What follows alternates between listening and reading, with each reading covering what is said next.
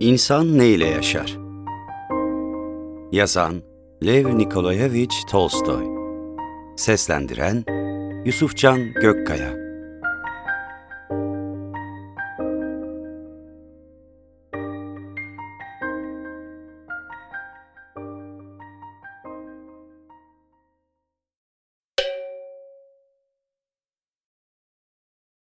Biliyoruz ki kardeşlerimizi sevdiğimiz için ölümden yaşama geçtik.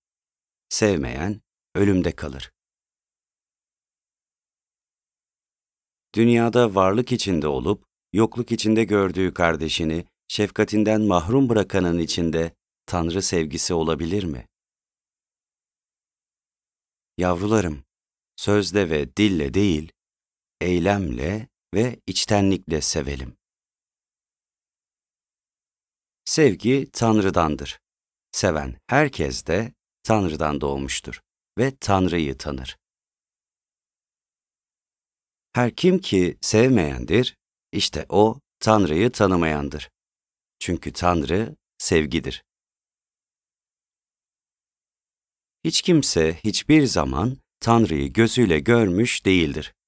Birbirimizi seversek Tanrı içimizde yaşar. Tanrı sevgidir. Sevgide yaşayan Tanrı'da yaşar. Tanrı da onda.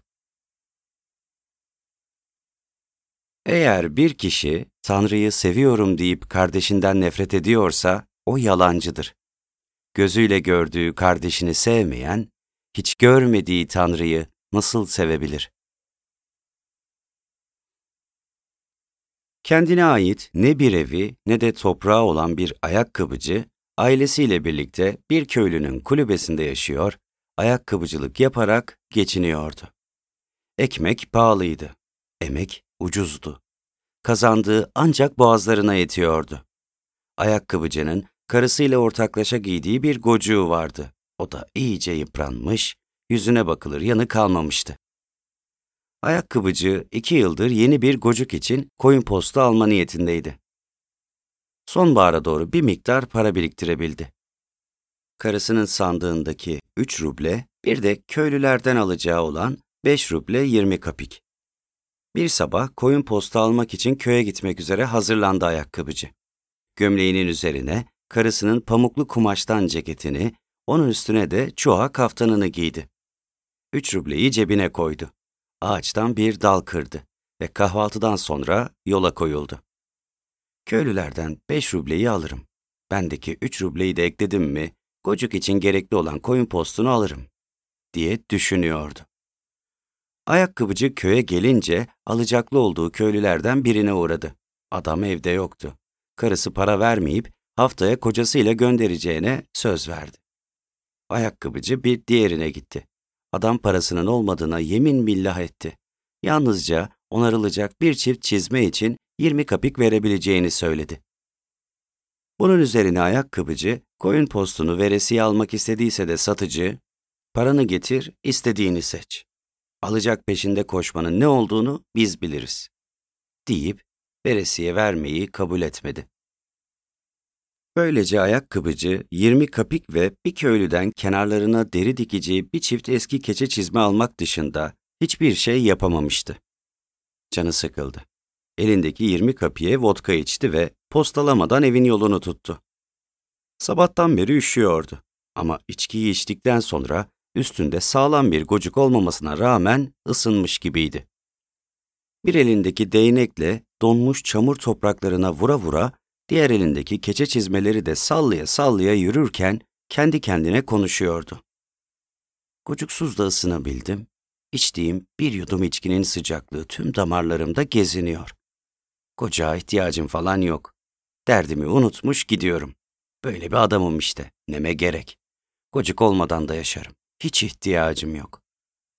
Yalnız karımın canı epey sıkılacak. Ama ayıp değil mi?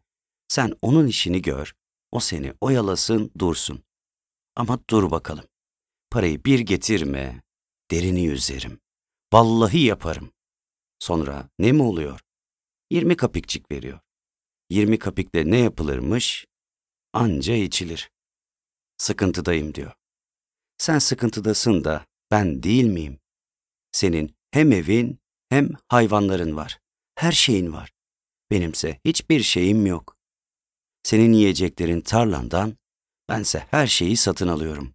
Haftada ekmeğe üç ruble veriyorum.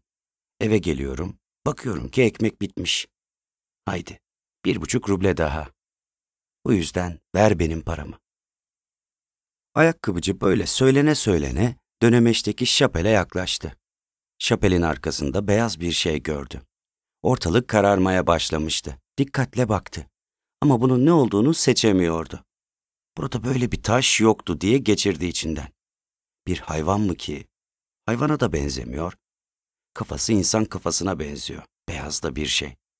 Ama burada insanın ne işi olur? Biraz daha yaklaştı. Beyazlık şimdi tamamen görünüyordu.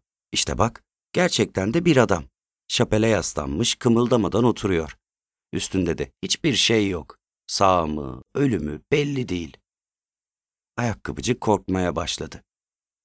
Birileri bu adamı öldürmüş, soymuş ve buraya bırakmış olmalı. Bu işe bir bulaşırsam sonrasında başımı kurtaramam diye düşündü. Şapelin önünden geçti.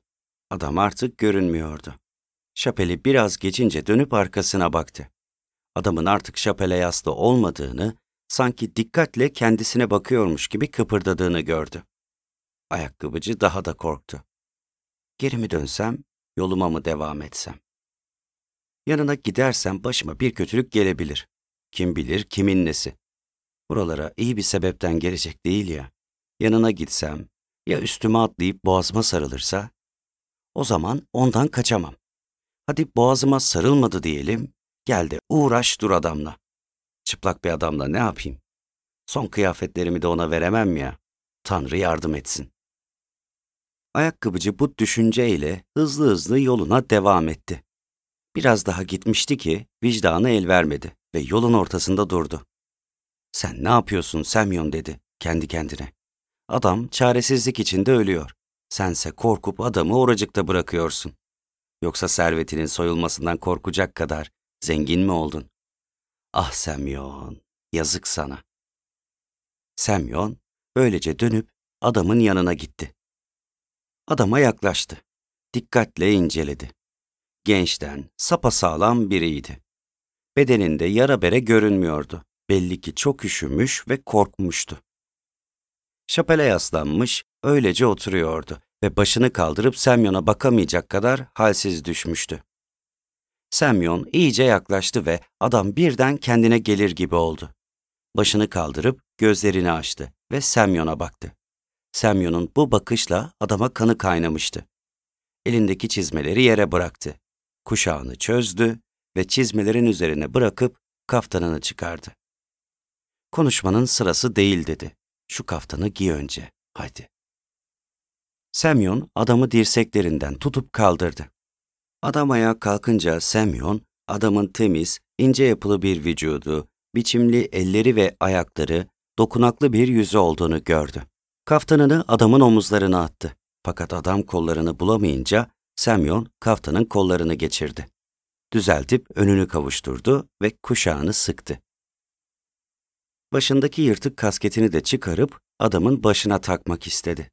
Fakat kafatası üşüyünce benim kafam kel, onunsa uzun kıvırcık saçları var diye düşündü. Kasketini geri taktı. Şu çizmeleri giydirsem iyi olacak. Adamı oturttu ve çizmeleri giydirdikten sonra şöyle dedi. İşte oldu kardeş. Haydi biraz ısın bakalım. Diğer meseleler sonra da çözülür. Yürüyebilecek misin? dedi.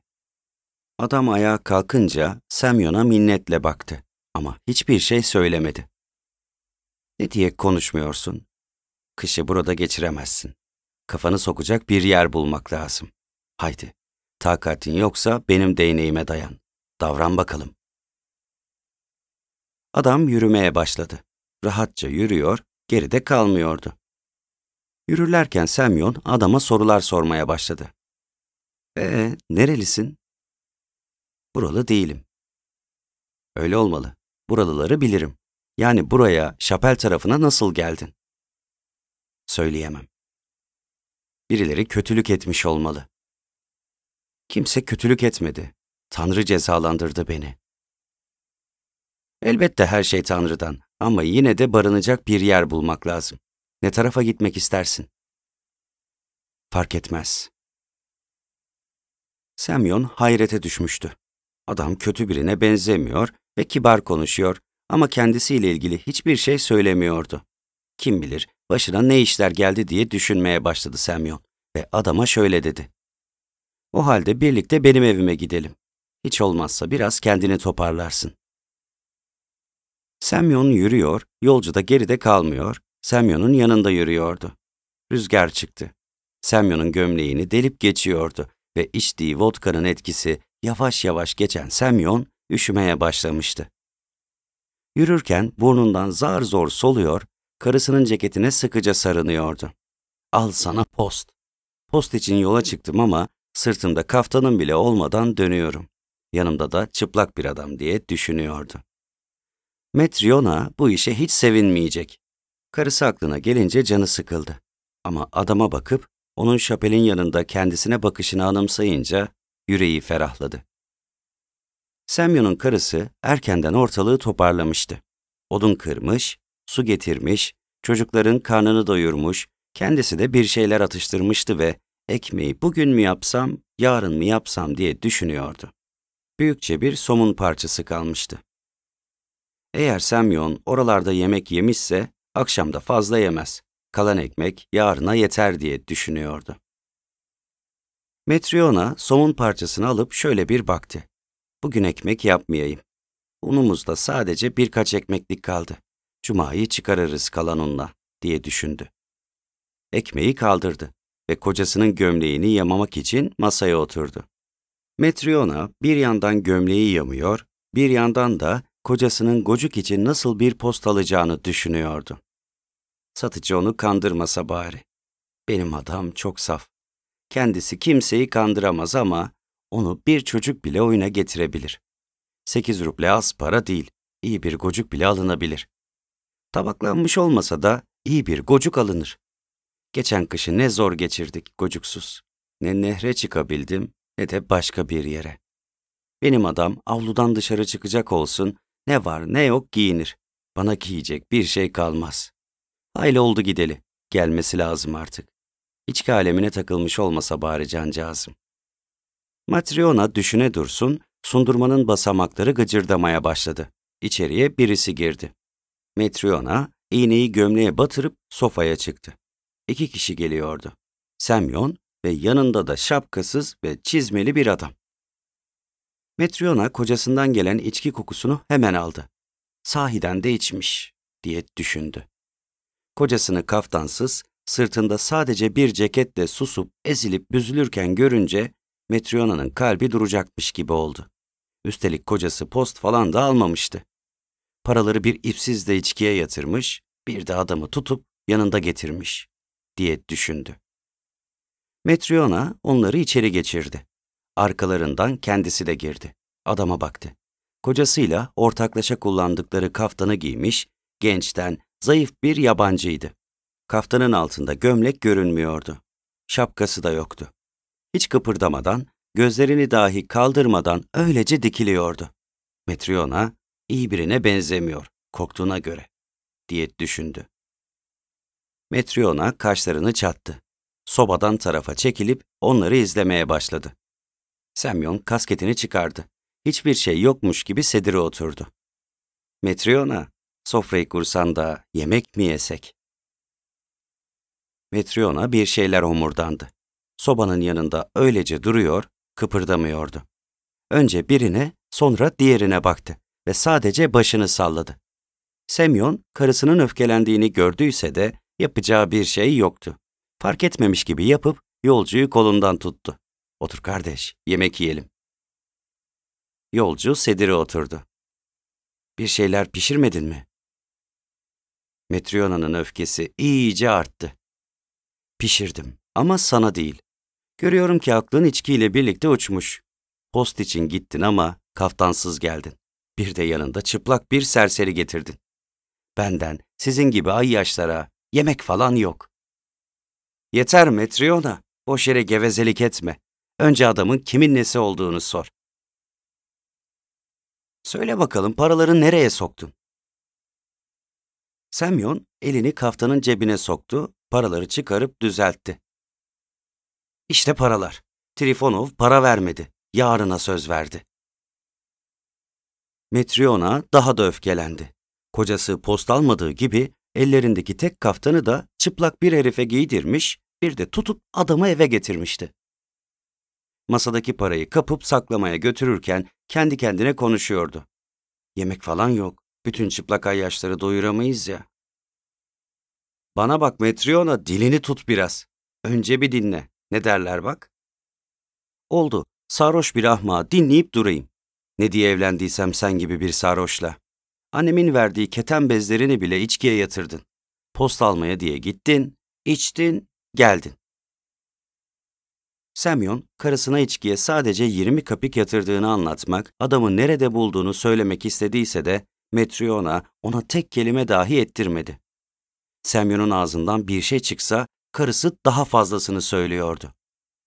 On sene önce ne olduysa hepsini bir bir dile getirdi. Metryona konuştukça konuştu. En sonunda Semyon'un üstüne yürüyüp kollarından kavradı. Ver ceketimi. Bir tek bu kaldı. Bunu da alıp giydin. Ver çabuk, çopur köpek. Şeytan görsün yüzünü. Semyon ceketi çıkarmaya başladı. Bir kolunu çıkarmıştı ki karısı hızla çekiverdi. Ceket dikiş yerlerinden çatırdadı.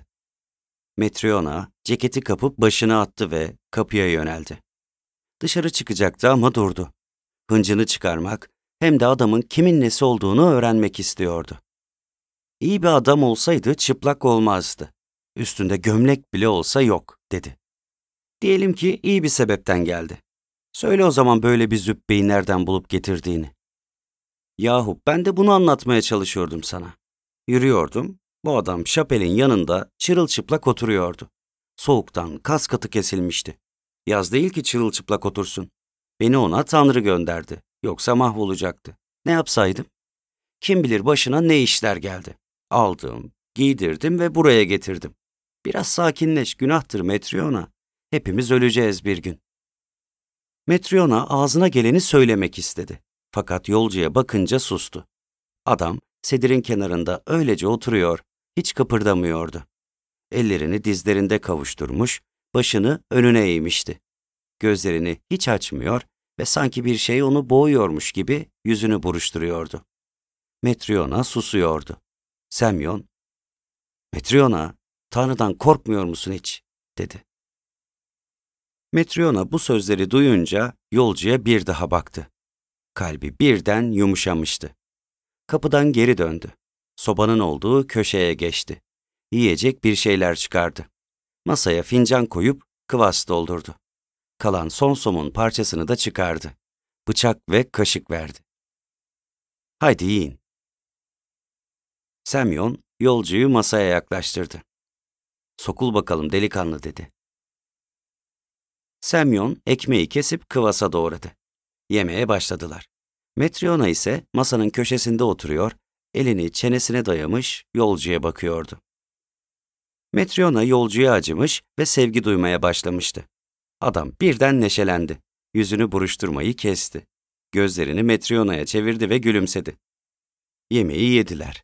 Metryona masayı topladı ve adama sorular sormaya başladı. Nerelisin? Buralı değilim. Peki o yola nasıl geldin? Söyleyemem. Birisi mi soydu seni? Beni Tanrı cezalandırdı. Ve orada çıplak yatıyordun, öyle mi? Evet, öylece yatıyordum, dondum. Semyon beni görünce acıdı. Kaftanını çıkarıp bana giydirdi. Sonra buraya getirdi. Sen de karnımı doyurdun. İçecek bir şeyler verdin. Bana acıdın. Tanrı sizi korusun. Metryona kalktı. Pencereden az önce yamadığı eski gömleği aldı, yolcuya verdi. Bir de pantolon bulup verdi. Gördüğüm kadarıyla gömleğin de yok. Buyur bunu giy ve neresi hoşuna giderse orada uyu. İster tavan arasında, ister sobada. Yolcu üzerindeki kaftanı çıkardı. Gömleği ve pantolonu giyip tavan arasına yattı. Metriona ışığı söndürdü. Kaftanı aldı ve kocasının yanına gitti. Metriona kaftanı örtünüp uzandı ama uyuyamadı. Yolcu aklından hiç çıkmıyordu. Yolcunun son somun parçasını yediğini ve yarına ekmek kalmadığını, gömleği ve pantolonu yolcuya verdiğini hatırlayınca canı sıkıldı. Ama adamın gülümsemesini hatırlayınca yüreği ferahlıyordu. Metriona uzun bir süre uyuyamadı ve Semyon'un da uyuyamadığını, kaftanı üzerine çektiğini fark etti. Semyon, ne var? Ekmeğin sonunu siz yediniz. Bugün ekmek yapmamıştım. Yarın ne yaparız bilmem. Malanya teyzeden mi istesek? Ölmez de sağ kalkarsak yiyecek bir şeyler buluruz. Kadın yine usandı. Bir süre sustu. Belli ki iyi biri ama kendisi hakkında hiçbir şey söylemiyor. Demek ki söylememesi gerekiyor. Semyon, ne var? Biz hep vermeye çalışıyoruz. Ama neden bize hiç kimse bir şey vermiyor? Semyon ne diyeceğini bilemedi. Keselim artık konuşmayı dedi ve dönüp uyudu. Sabah Semyon uyandığında çocuklar uyuyordu. Karısı da komşular ekmek almaya gitmişti. Yolcu üzerinde eski pantolon ve gömlekle sedirde yalnız oturuyor, yukarıya bakıyordu. Yüzünün rengi düne göre açılmıştı. Pekala dostum, karın ekmek ister. Çıplak bedende kıyafet. Yani geçinmek için çalışmak gerek. Ne iş gelir elinden, ne bilirsin? Hiçbir iş bilmiyorum. Semyon şaşırdı. Yeter ki istek olsun. İnsan her şeyi öğrenir. İnsanlar çalışıyor. Ben de çalışırım. Adın ne? Mihayla. Peki Mihayla, kendinle ilgili konuşmak istemiyorsun. Bu senin bileceğin iş. Ama karnını doyurmak zorundasın. Eğer göstereceğim gibi çalışırsan sana yemek veririm. Tanrı seni korusun, öğrenir çalışırım. Ne yapacağımı göster. Semyon eline bir toka aldı. Parmaklarına geçirdi ve uçlarını birleştirmeye başladı. Bak, bu kadar kolay. Mihaila onu izliyordu. Tokayı aynı şekilde parmaklarına geçirip uçlarını birleştirmeye başladı. Hemen kapmıştı. Semyon, ona tokanın uçlarının birbirine nasıl yapıştırılacağını gösterdi. Mihaila bunu da hemen kaptı. Semyon, ipin nasıl takılıp bağlanacağını ve dikişinin nasıl yapılacağını da gösterdi. Mihaila bunları da hemen anladı. Mihaila, Semyon ne gösterirse hemen anlıyordu. Üçüncü günden itibaren sanki tüm hayatı boyunca çizme dikmiş gibi çalışmaya başladı. Durmadan çalışıyor, az yiyordu. İşi bittiğinde de susuyor ve hep yukarı bakıyordu. Dışarıya çıkmıyordu. Fazla konuşmuyor, şaka yapmıyor ve gülmüyordu. Metriona'nın yemek verdiği ilk akşam dışında onun güldüğünü de görmemişlerdi. Günler günleri, haftalar haftaları kovaladı ve bir yıl geçti. Mihaila, Semyon'un evinde kalmaya devam ediyor ve çalışıyordu. Semyon'un işçisi Mihaila'nın ünü öylesine yayıldı ki hiç kimsenin çizmeleri onun kadar düzgün ve sağlam dikemeyeceği söyleniyordu ve o civardan insanlar çizme almak için Semyon'a gelmeye başlamışlardı. Semyon'un durumu gittikçe düzeliyordu. Semyon ile Mihaila bir kış günü oturmuş çalışıyorlarken kulübeye üç at koşulu, çıngıraklı bir araba yaklaştı. Pencereden baktılar. Araba kulübenin karşısında durdu.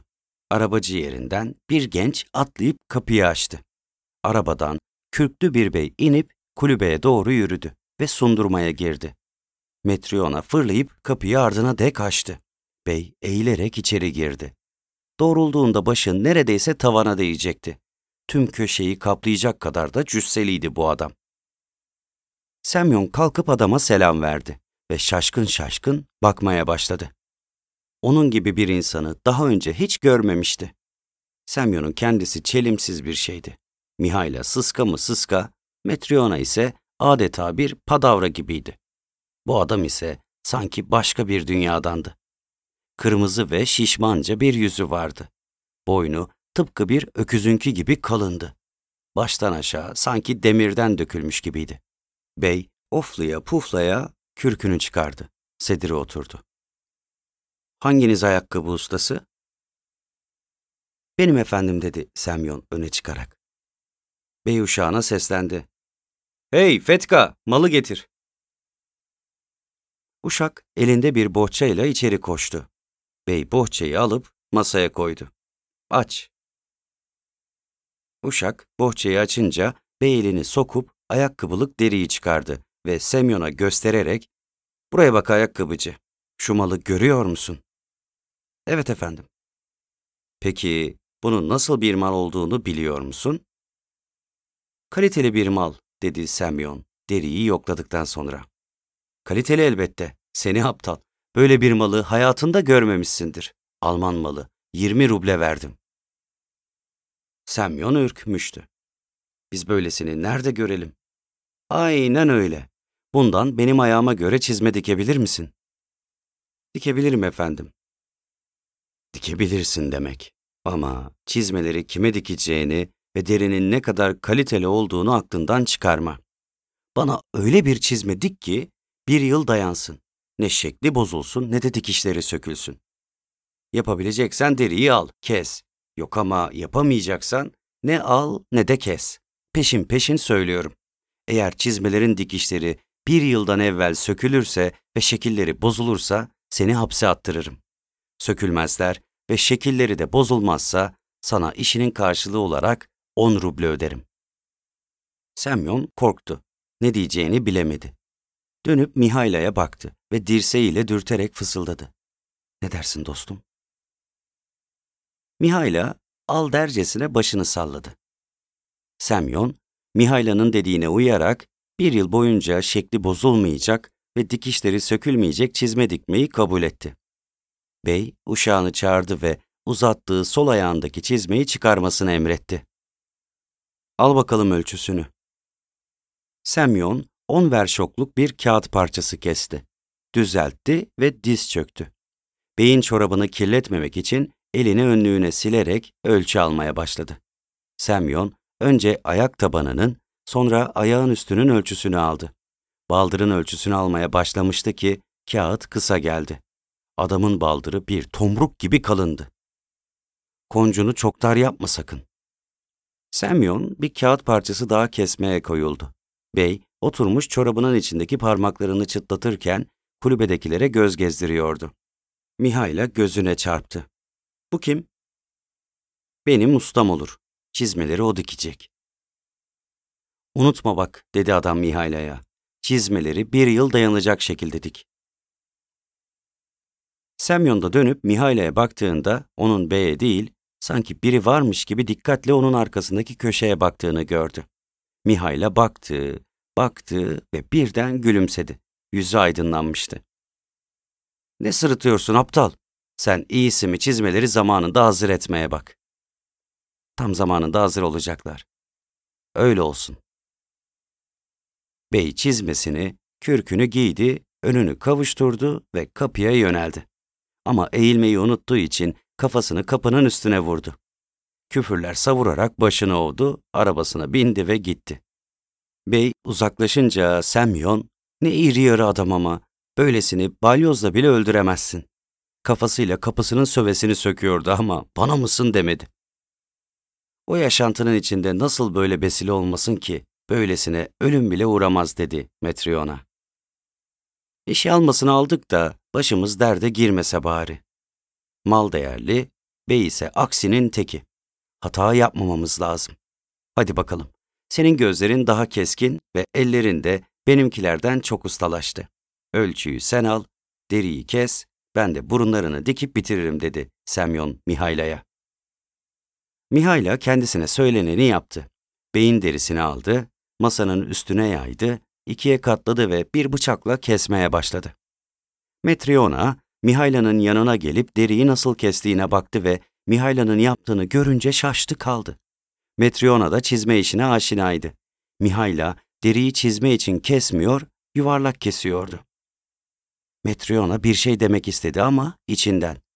Herhalde beyin çizmesinin nasıl dikileceğini ben anlamadım. Mihaila'nın bir bildiği vardır belki. İşine karışmayayım dedi. Mihaila diğer deriyi de kesti. İpliği aldı ve çizme diker gibi çift kat iple değil, terlik diker gibi tek kat iplikle dikmeye başladı. Metriona buna da şaşırdı ama yine karışmadı. Mihayla dikmeye devam ediyordu. Öğle yemeği vakti gelince Semyon kalktı ve Mihayla'nın beyin getirdiği deriden terlik dikmiş olduğunu gördü. Eyvah dedi Semyon. Tam bir senedir benimle birlikte çalışıp hiç hata yapmayan Mihayla nasıl oldu da şimdi böyle feci bir hata yapar? Bey geniş konçlu, şeritli bir çizme sipariş etmişti. Ama o tabansız terlik dikmiş, deriyi heba etmiş. Ben şimdi beye ne derim? Bunun gibi bir malı da bulamam, diye düşündü. Sen ne yaptın böyle dostum? Sen beni mahvettin. Bey çizme ısmarlamıştı ama bak sen ne dikmişsin. Tam Mihaila'yı azarlamaya başlamıştı ki kapının önünde gümbürtüler duyuldu. Birisi kapıya vurdu. Pencereden baktılar. Bir adam gelmiş, atını bağlıyordu. Kapıyı açtıklarında daha önce beyin yanında gelen uşak içeri girdi. Merhaba. Merhaba, buyur. Hanımım beni çizmeler için gönderdi. Nasıl yani çizmeler için? Beyimin sipariş ettiği çizmeler için. Artık onlara ihtiyacı kalmadı. Kendisi sizlere ömür. Ne diyorsun? Buradan ayrıldıktan sonra eve kadar bile gidemedi. Arabada ölmüş. Eve vardığımızda kapıyı açtık. Beyim büyükçe bir çuval gibi yıkılıverdi. Donmuştu da. Arabadan güç bela çıkardık. Hanımım beni buraya gönderdi ve beyinizin deri bırakıp çizme sipariş ettiği kunduracıya çizmelere gerek kalmadığını, elindeki deriden beye acilen cenaze terliği dikmesini söyle. Terlikler hazır oluncaya dek de bekle ve al getir, dedi. İşte buraya bunun için geldim, dedi. Mihayla deriden arta kalanları masadan aldı ve dürdüğü, yaptığı terlikleri de alıp birbirine vurduktan sonra önlüğüne sildi ve uşağa verdi. Terlikleri alan uşak, hoşçakalın efendiler, rastgele deyip gitti. Yıllar birbirini kovaladı ve Mihayla artık altı yıldır Semyon'un evinde yaşıyordu. Yine hiçbir yere gitmiyor, gerekmedikçe konuşmuyordu ve onca yıldır sadece iki kez gülümsemişti. İlki Metrion'a kendisine yemek verdiğinde, diğeri de çizme diktirmeye gelen beye bakarken. Semyon işçisinden son derece memnundu. Artık nereden geldiğini sormuyordu. Tek korkusu Mihaila'nın onu bırakıp gitmesiydi. Bir gün evde hep beraber oturuyorlardı. Metrion'a kapkacakları sobaya yerleştiriyor, çocuklarsa bir sedirden diğerine koşuyor, pencereden dışarıyı seyrediyorlardı. Semyon bir pencerenin önünde dikiş dikiyor, Mihaila ise diğerinin önünde ökçe çakıyordu. Sedirdeki çocuklardan biri Mihaila'ya doğru koştu. Omzuna dayanarak dışarı bakmaya başladı. Mihail amca baksana, yanındaki kızlarıyla bir tüccar karısı buraya geliyor gibi. Kızlardan biri de topal. Çocuk bunu söyler söylemez Mihail'a işini bırakıp pencereye koştu ve dışarı baktı. Semyon şaşırmıştı. Mihail'a hiç bakmazdı dışarı ama şimdi pencereye uzanmış bir şeye bakıyordu. Semyon da baktı ve temiz giyimli bir kadının sahiden de onlara doğru geldiğini gördü. Kadın kürk giymiş ve yün şallar bürünmüş iki kız çocuğunun elinden tutuyordu. Kızlar birbirinin aynıydı. İkisini ayırt etmek mümkün değildi. Ancak birinin sol bacağı sakat olduğundan biraz aksiye aksiye yürüyordu. Kadın sundurmaya, oradan sofaya girdi. Yağmurlukta kapıyı yoklayıp mandalını kaldırdı ve açtı. İçeri önce kızları soktu. Arkalarından kendisi de girdi. Merhaba efendiler. İçeri buyurun. Ne istemiştiniz? Kadın masaya yakın oturdu. Kızlar da dizine sokuldu. İçeridekileri görünce çekilmişlerdi. Bu iki kıza baharlık deri başmak dikilecek. Olur elbette. Bu kadar küçük ayakkabı hiç dikmedik ama yaparız. Vardolalı yapabiliriz. Keten bezinden vardolasız yapar, pençesini içten dikeriz. Bu benim ustam Mihayla. Semyon dönüp Mihaila'ya baktı ve onun işini bırakmış, gözlerini hiç ayırmadan kızlara baktığını gördü. Semyon, Mihaila'ya hayret etmişti. Gerçi kızlar da çok sevimliydi. Kara gözlü, tombulca, al yanaklıydılar. Üzerindeki kürkler ve şallar da kaliteliydi. Ancak Semyon, Mihaila'nın kızlara sanki onları tanıyormuş gibi dikkatle bakmasını bir türlü anlamıyordu. Semyon çok şaşırdıysa da kadınla konuşmaya, fiyatı kararlaştırmaya başladı. Fiyatta anlaştıktan sonra ölçü almaya hazırlandı. Kadın bacağı biraz aksayan kızı dizine oturttu ve şöyle dedi. Bu kızdan iki ölçü al. Topal ayağına bir başmak dik, sağlam ayağına da üç tane. Ayakları birbirinin aynıdır, ikizler. Semyon ölçüyü aldı ve aksak olana bakarak, ayağı neden böyle aksıyor? Pek de sevimli. Doğuştan mı böyle? Hayır, annesi ezmiş. O sırada Metriona konuşmaya katıldı. Bu kadının kim olduğunu, çocukların kimin olduğunu merak etmişti. O zaman sen onların annesi değilsin. Ben onların ne annesiyim ne de akrabaları. Hiç yakınlığımız yok. Onları evlatlık aldım. Kendi çocukların değil ama onlara hiç kıyamıyorsun. Nasıl kıyayım? İkisini de ben emzirip büyüttüm. Benim de bir bebeğim vardı. Ama Tanrı onu aldı. Ona bunlar kadar düşkün değildim. Peki bunlar kimin çocukları? Kadın olanı biteni anlatmaya başladı. Bundan altı yıl önceydi. Bu kızlar bir hafta içinde hem öksüz hem yetim kaldılar. Babalarını salı günü defnettiler. Anneleri de cuma günü öldü. Bu çocuklar babalarının ölümünden üç gün sonra doğdu. Anneleri de bir gün bile yaşayamadı. Biz o zamanlar kocamla birlikte köyde yaşıyorduk. Onların komşusuyduk. Bahçelerimiz dip dibeydi. Kimsesiz bir köylü olan babaları ormanda ağaç keserdi. Bir gün nasıl olduysa üstüne ağaç düşürmüşler. Ağaç babalarını enlemesine sıkıştırıp tüm iç organlarını ezmiş. Evine getirilir getirilmez ruhunu teslim etti. Karısı da aynı hafta ikiz işte bu kızları doğurdu. Yoksulluk, yalnızlık içinde tek başına bir kadındı. Ne bir hizmetçisi ne de bir büyüğü vardı yanında. Bu çocukları tek başına doğurdu, tek başına da öldü. Ertesi sabah onu yoklamaya gittim. Ben kulübeye girdiğimde kadın iyi de kalpliydi, çoktan donmuştu. Can çekişirken de bu çocuğun üzerine yıkılıp bacağını ezmiş. Köylüler toplanıp kadını yıkadılar. Giydirdiler, bir tabuta koyup defnettiler. Hepsi iyi kalpli insanlardı. Bu çocuklar ortada kaldı. Verilecek kimse yoktu. Köyde bebekli tek kadın bendim. Sekiz haftalık bir oğlum vardı, emziriyordum. Bu kız çocuklarını bir süreliğine yanıma aldım. Köylüler toplandılar. Çocukları ne yapacaklarını düşünüp taşındılar. En sonunda bana, Maria, sen şimdilik çocukları al, biraz sende kalsınlar.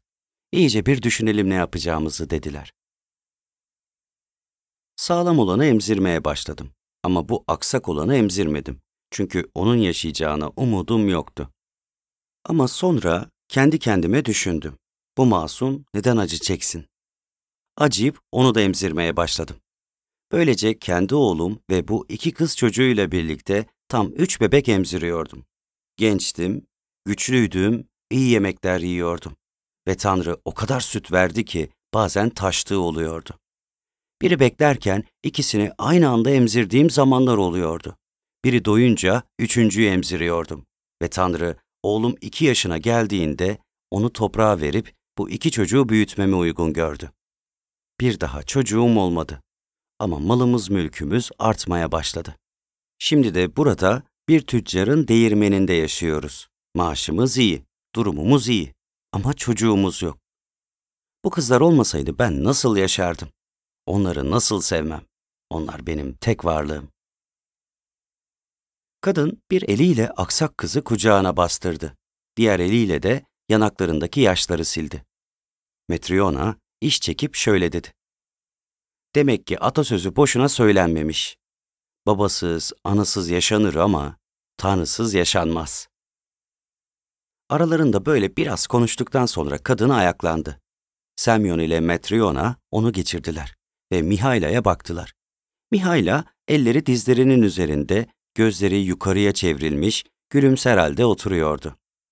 Semyon ona yaklaştı. Mihaila sen, dedi. Mihayla sedirden kalktı. İşini bırakıp önlüğünü çıkardı. Semyon ile Metriona'yı selamladı ve ''Affedin beni. Tanrı beni bağışladı. Siz de bağışlayın.'' dedi. Ev sahipleri Mihayla'dan ışık yayıldığını gördüler. Semyon da kalktı. Mihayla'yı selamlayıp şöyle dedi. Mihayla, görüyorum ki sen sıradan bir insan değilsin. Ben seni ne alıkoyabilirim ne de sorguya çekebilirim. Ama bana sadece şunu söyle. Seni bulup eve getirdiğimde sıkıntılı bir halim vardı. Karım sana yemek verdiğinde ona gülümsedin ve o andan itibaren yüzün neden aydınlandı? Sonra o bey çizme sipariş ettiğinde bir daha gülümsedin ve o andan itibaren neden yüzün biraz daha aydınlandı? Şimdi de kızlarla gelen kadını görünce üçüncü kez gülümsedin ve artık ışık saçıyorsun. Söyle bana Mihayla, neden senden böyle bir ışık yayılıyor ve neden üç kez gülümsedin? Mihayla anlatmaya başladı. Tanrı beni cezalandırmıştı. Artık affetti. O yüzden ışık saçıyorum. Üç kere gülümsedim. Çünkü Tanrı'nın üç hakikatini öğrenmem gerekiyordu. Tanrı'nın üç hakikatini öğrendim. İlk hakikatini karın bana merhamet ettiğinde öğrendim. Bu yüzden ilk kez gülümsedim. Diğer hakikati zengin adam çizme sipariş ettiğinde öğrendim ve ikinci kez gülümsedim. Şimdi de kızları görünce üçüncü ve son hakikati öğrendim ve üçüncü kez gülümsedim. Bunun üzerine Semyon şöyle dedi. Söyle bana Mihayla, Tanrı seni neden cezalandırdı ve Tanrı'nın o hakikatleri neler? Ben de bileyim. Tanrı beni ona itaat etmediğim için cezalandırdı. Ben gökyüzünde bir melektim. Tanrı'ya itaatsizlik ettim. Tanrı beni bir kadının ruhunu almam için gönderdi. Yeryüzüne indiğimde o kadın tek başına yatıyordu. Hastaydı. İkiz doğurmuştu. İki kız bebek. Bebekler annelerinin yanında kımıldanıp duruyordu. Anneleri onları göğsüne kaldıramıyordu. Kadın beni görünce Tanrı'nın beni kendisinin ruhunu almam için gönderdiğini anladı. Ağlamaya başladı ve şöyle dedi. Ey Tanrı'nın meleği! Kocamı daha yeni defnettik. Ormanda bir ağacın altında kalıp öldü. Benim ne bir kız kardeşim var, ne teyzem, ne de annem. Öksüzlerimi büyütecek kimsem yok. Benim ruhumu alma. Çocuklarımı besleyip büyütmeme müsaade et, ayaklansınlar. Çocuklar babasız, annesiz yaşayamaz. Kadının sözünü dinledim. Bebeğinin birini göğsüne koydum, diğerini de eline verdim ve göğe yükseldim. Tanrı'nın huzuruna çıktım. Tanrım, o Loğusa'nın ruhunu alamadım. Kocası ağacın altında ezilmiş, kadın ikiz doğurmuş, ruhunu almamam için yalvardı. Çocuklarımı besleyip büyütmeme müsaade et, ayaklansınlar. Çocuklar annesiz, babasız yaşayamaz diye yalvardı. Ben o kadının ruhunu alamadım. Bunun üzerine Tanrı şöyle dedi. Git o Lahusa'nın ruhunu al ve üç hakikati öğren. İnsan içinde ne barındırır, insana ne bahşedilmemiştir ve insan ne ile yaşar. Öğrendikten sonra göğe döneceksin. Böylece tekrar yeryüzüne indim ve yeni doğum yapmış olan kadının ruhunu aldım. Bebekler annelerinin göğsünden düştü. Kadının cansız bedeni yatağa yığılıp bebeklerden birinin üzerine düşerek ayağını ezdi. Kadının ruhunu Tanrı'ya götürmek için köyün üzerinde yükseldim. Ama rüzgara yakalandım. Kanatlarım koptu ve kadının ruhu Tanrı'ya tek başına yükseldi. Bense yeryüzüne, yolun kenarına düştüm. Semyon ve Metreona yanlarında kimin yaşadığını, kimi giydirdiklerini ve kimin karnını doyurduklarını anlamışlardı. Korkudan ve sevinçten ağlamaya başladılar. Melek şöyle devam etti. Tarlada yalnız ve çıplaktım. Önceleri insani ihtiyaçları, soğuğu ve açlığı bilmezdim. İnsan haline gelince acıktım. Soğuktan donmuştum ve ne yapacağımı bilmiyordum. O tarlada bir şapel gördüm. Tanrı için yapılan bu şapelde barınabileceğimi ümit ederek oraya gittim. Şapelin kapısı kilitliydi. İçeri giremedim. ve rüzgardan korunmak için şapelin arkasına oturdum. Akşam oldu, epey acıkmıştım. Kaskatı kesilmiştim ve hiç dermanım kalmamıştı. Birden yoldan bir adamın geçtiğini işittim. Elinde bir çift çizme vardı ve kendi kendine konuşuyordu. İnsan haline geldiğimden bu yana ilk kez bir ölümlüye rastlıyordum. Yüzü bana korkunç gelince de hemen başımı çevirdim. Adam kendi kendine konuşuyor. Kışın şiddetli soğuklarda ne giyeceğini, karısının ve çocuklarının karnını nasıl doyuracağını düşünüyordu. İçimden, soğuktan ve açlıktan ölmek üzereyim ama bu adam da kendisinin ve karısının ne giyeceğini, nasıl geçineceklerini düşünüyor. O bana yardım edemez dedim. Adam beni gördü. Kaşlarını çattı. Yüzü daha da korkunç bir hal aldı ve şapelin önünden yürüyüp geçti. Umudumu kesmiştim. Birden geri geldiğini duydum. Başımı kaldırıp baktığımda aynı adamı tanıyamadım. Az önce yüzünde ölümü görmüştüm. Ama sonra birden canlandı. Yüzünde Tanrı'yı gördüm. Yanıma gelip beni giydirdi ve evine götürdü. Eve vardığımızda bizi bir kadın karşıladı. Kadın adamdan daha korkunçtu.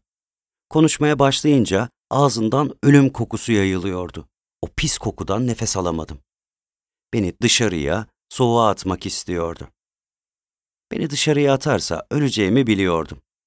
Kocası ona Tanrı'yı hatırlatınca kadın birden değişti ve bize yiyecek bir şeyler hazırladı. Bana bakınca ben de ona baktım. Artık kadına ölüm hükmetmiyordu. Hayat gelmişti. Onda Tanrı'yı gördüm. Tanrı'nın ilk emrini hatırladım. İnsan içinde ne barındırır? İnsanın içinde sevgi barındırdığını öğrendim. Tanrı'nın öğrenmemi istediği ilk hakikati göstermiş olmasına sevinmiştim. Ve ilk kez bu yüzden gülümsedim. Fakat henüz her şeyi öğrenmemiştim. İnsana ne bahşedilmediğini ve insanın neyle yaşadığını bilmiyordum. Böylece sizinle birlikte yaşamaya başladım ve aradan bir yıl geçti. Bir gün bir adam şekli bozulmadan ve dikişleri sökülmeden bir yıl dayanacak çizme sipariş etmeye geldi. Ona bakınca birden omuzlarının arkasında arkadaşımı, ölüm meleğini gördüm. O meleği benden başka kimse görmedi. Ama ben onu tanıyordum ve akşam olmadan adamın ruhunu alacağını biliyordum. Ve kendi kendime düşündüm. Adam bir yıllık hazırlık yapıyor ama akşam olmadan öleceğinden haberi yok. İşte o zaman Tanrı'nın diğer emrini hatırladım. İnsana ne bahşedilmediğini öğren. İnsanın içinde ne barındırdığını öğrenmiştim. O zaman da insana neyin bahşedilmediğini öğrendim. İnsanlara kendi ihtiyaçlarının ne olduğu bilgisi bahşedilmemiştir. İşte o zaman ikinci kez gülümsedim. Melek arkadaşımı gördüğüme ve Tanrı'nın bana diğer hakikati göstermiş olmasına çok sevinmiştim. Ama hala her şeyi bilmiyordum. İnsanın neyle yaşadığını henüz öğrenmemiştim. Sizinle yaşamaya devam ederken Tanrı'nın bana son hakikati göstereceği zamanı bekledim. Buradaki altıncı yılımda o kadınla birlikte ikiz kızlar geldi. Kızları hemen tanıdım ve nasıl hayatta kaldıklarını öğrendim. Öğrenince de kendi kendime şöyle düşündüm. Anneleri çocukları için bana yalvardığı zaman ona inanmış, çocuklar babasız, annesiz yaşayamaz sanmıştım. Oysa yabancı bir kadın onları emzirip büyütmüş. Kadının öz çocukları olmayan bu kızlara duyduğu sevgiyi ve onlar için gözyaşı döktüğünü görünce kadında Tanrı'nın varlığını gördüm ve insanın neyle yaşadığını anladım. Tanrı'nın bana son hakikatini de gösterdiğini ve böylece beni affettiğini anlayınca da üçüncü kez gülümsedim. Melek bir anda çırılçıplak kaldı ve bedeni çıplak gözle bakılamayacak bir ışıkla kaplandı. Sanki kendisinden değil de göklerden geliyormuş gibi daha gür bir sesle konuşmaya başlayıp şöyle dedi. Her insanın kendisi için kaygılanarak değil, sevgiyle yaşadığını öğrendim. Anneye çocuklarının hayatta kalmak için neye ihtiyacı olduğu bilgisi verilmediği gibi, zengin adama da kendisine aslında neyin lazım olduğu bilgisi verilmemişti. Ve hiçbir insana da hayattayken bir çift çizmeye mi, yoksa akşama ölüsüne bir çift terlik mi lazım olduğu bilgisi verilmemiştir. İnsan haline geldiğimde kendim için kaygılanmamdan değil, yoldan geçen bir adamın ve karısının içindeki sevgiyle, onların bana acıyıp beni sevmesiyle hayatta kaldım. Öksüzler kendilerine gösterilen ihtimamla değil, yabancı bir kadının içindeki sevgiyle, onlara acımasıyla ve onları sevmesiyle hayatta kaldı. Ve tüm insanlar kendileri için tasalanmakla değil, içlerindeki sevgiyle yaşıyorlar.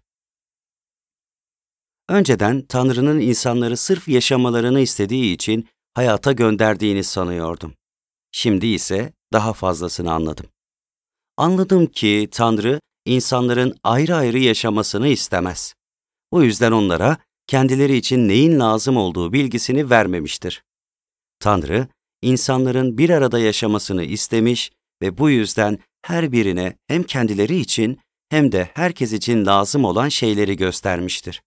İnsanlara sadece kendi refahları için verdikleri uğraşla hayatta kalıyorlar gibi görünse de onların sadece sevgiyle hayatta kaldıklarını anladım.